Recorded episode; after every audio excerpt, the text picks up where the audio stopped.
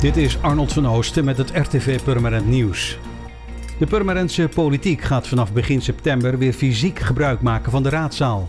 Echter zijn er wel diverse maatregelen om de fysieke vergadering mogelijk te maken. De vergaderingen zullen plaatsvinden zonder publiek. Tijdens de raadsvergaderingen worden de gemeenteraadsleden verspreid over de vergaderkring en tribune.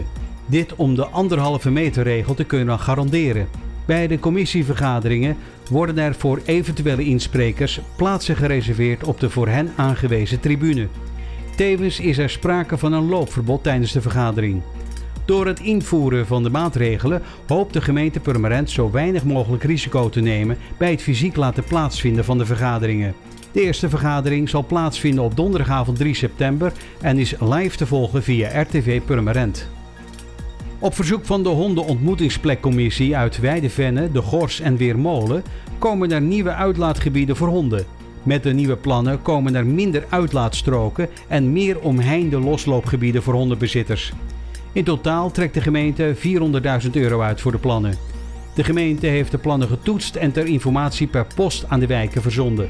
Hierbij was er een mogelijkheid voor bewoners om te reageren. Van de circa 16.000 huishoudens die in de wijken wonen, ontving de gemeente 160 reacties. De reacties hebben geleid tot een aantal wijzigingen in de plannen, waaronder het behouden van de twee bruggetjes bij de eilandjes achter de Inca-straat en de Maasai-straat in de wijk Weidevenne. Het KBF heeft onlangs bekendgemaakt dat de fysieke collecte niet doorgaat in september. Als alternatief worden donatiekaarten met een QR-code in de brievenbus gestopt. Vorig jaar werd er door het Koningin Wilhelmina Fonds voor de Nederlandse kankerbestrijding al geëxperimenteerd met QR-codes bij de collecte.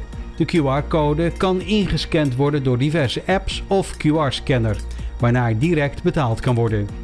Voor meer nieuws, kijk of luister je natuurlijk naar RTV Permanent, volg je onze socials of ga je naar rtvpermanent.nl.